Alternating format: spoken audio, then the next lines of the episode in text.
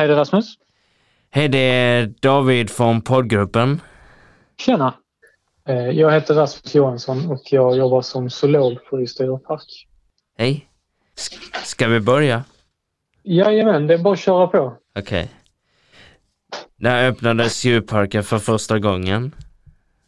Eh, Vi öppnade första gången 1994. Ah. Eh, vem var grundaren till djurparken? Eh, Det är en eh, man som heter Ingemar och hans fru som Ja, grundade djurparken. Ja. Eh, Och eh, sen har de ju drivit djurparken sedan 1994. Oj. Ja. Är, de, eh, är han fortfarande chef där eller är det någon ny?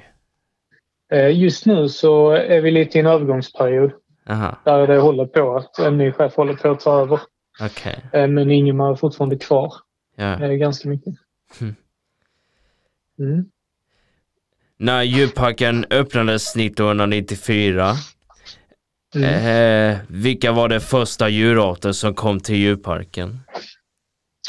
Oh, det var en bra fråga. Det, jag vet faktiskt inte exakt men eh, jag vet att vi har haft kamel och zebra väldigt länge. Ja, Eh, jag tror det kan ha varit bland de första djuren.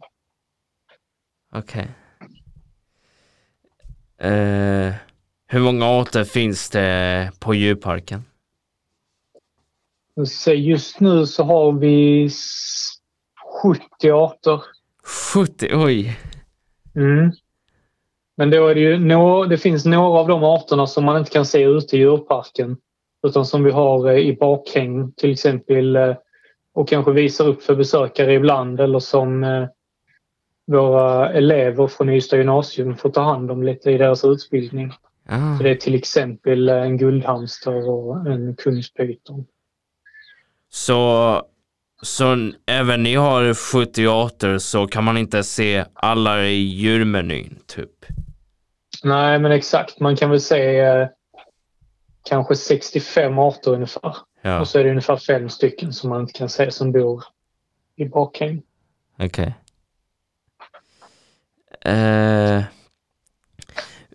vilken djurart är störst och vilken är minst i djurparken? Eh, ja du, nu ska vi se. Jag tror alltså, tråkigt nog så tror jag nog att det är en ko som är störst.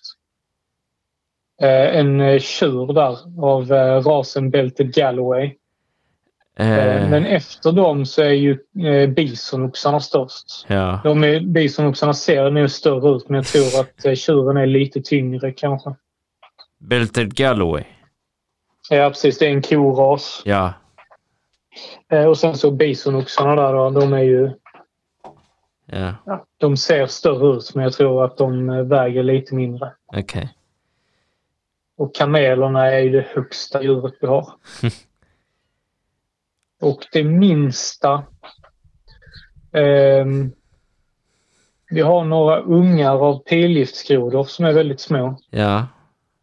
Det kan ju vara de minsta vi har just nu. Ni har ju två olika arter av pilgiftsgrodor faktiskt. Ja, det stämmer. Och då, eh, de som har unga just nu det är de som heter färgaregroda. Okej. De är lite blågula. Och sen har ni en, en som heter Antonys eh, pilgiftsgroda typ ju. Ja, det stämmer. Ja. Eh, Och de, de har lagt ägg men de har inga ungar ännu. Ah. Eh, hur går det eh, när djuren får mat och vad äter de? Eh, Det är ju väldigt olika vad de äter där såklart. Men eh, de, vi matar alla djuren varje dag. Minst en gång om dagen. Och till de större djuren, till exempel zebrorna och kamelerna och så, Ja. så kör vi in med ett litet fordon. Mm. Så antingen en fyrhjuling eller en liten parktraktor kan man kanske kalla det. Ja. Så kör vi in då och så ger vi dem mat. Och då, då kör man in till de stora djuren bara för att fall någon av dem skulle bli arga eller rädda eller på något sätt beter sig farligt så kan man alltid fly till fordonet liksom, när man är säker. Eh, och där är vi alltid två stycken också minst när vi går in till dem. Så att man kan hjälpas åt att hålla koll på djuren. Ja. Nu är alla djuren väldigt snälla men man vet ju aldrig om det händer någonting. Men när ni kör in till eh, en så traktor så har ni typ sån lite kvistar eller så typ eh, i någon vagn typ? Ja, just det. Ja, precis. Så vissa av djuren ger vi eh, kvistar och så. Eh, tre gånger i veckan ger vi det till många av djuren. Okej. Men sen de allra flesta de äter eh, hösilage.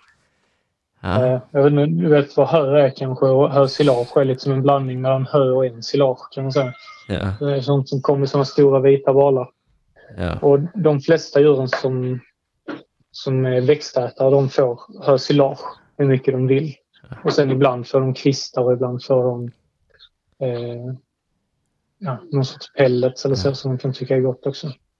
Men sen, sen har ni också lite rovdjur som surikater, serval och alligatorer. Ja, det stämmer. Eh, och de får ju eh, inte gräs att äta såklart, Nej. utan de får ju kött. Och då får eh, servalerna och surikaterna de får kött varje dag. Okej. Eh, en, ja, en till två gånger om dagen. Ja. Eh, och då äter de... De kan äta till exempel kyckling eller kanin. Ja. Eh, eller eh, ibland har vi köpt in kött från någon, något viltslakteri eller så som de kan ha fått typ hjort eller så. Okej. Eh, har ni, eh, vilket är årets nyhet?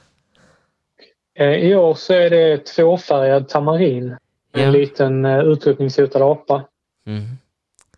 Eh, och de är ju kritiskt utrotningshotade. Ja, det så de är ju jättehotade.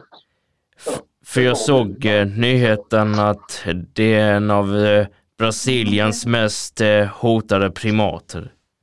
Ja, det stämmer. Eh, Det är det. Så de finns bara på ett ytterlitet område i utkanten Ja. av eh, staden eh, Manaus, som är en stor stad i Brasilien som ligger längs med floden. Och och i takt med att den här stan då expanderar så försvinner deras naturliga livsmiljö. Ja. Och då försvinner de också där. Eh, Så denna arten är mycket mer hotad än de andra apor ni har som eh, lejontamarin och sakeapor typ. Eh, Den är mycket mer hotad än sakisarna.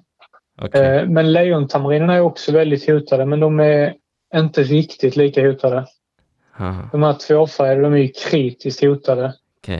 Eh, och lejontamarinerna de är akut hotade. Ja. Mm. Eh, nästa år så är det 30-årsjubileum faktiskt. Ja just det, det stämmer. Så, ja. så, jag, så jag hoppas om det är något speciellt hotad art ni kommer ta in faktiskt. Ja, vi får se lite faktiskt. Vi, eh, vi håller på att undersöka lite hur vi ska göra. För det, det måste, man måste ju tänka noga på vad vi har plats till och vilka som kan få, få det bra här och sen också vilka djur som behöver hjälp och så. Okej.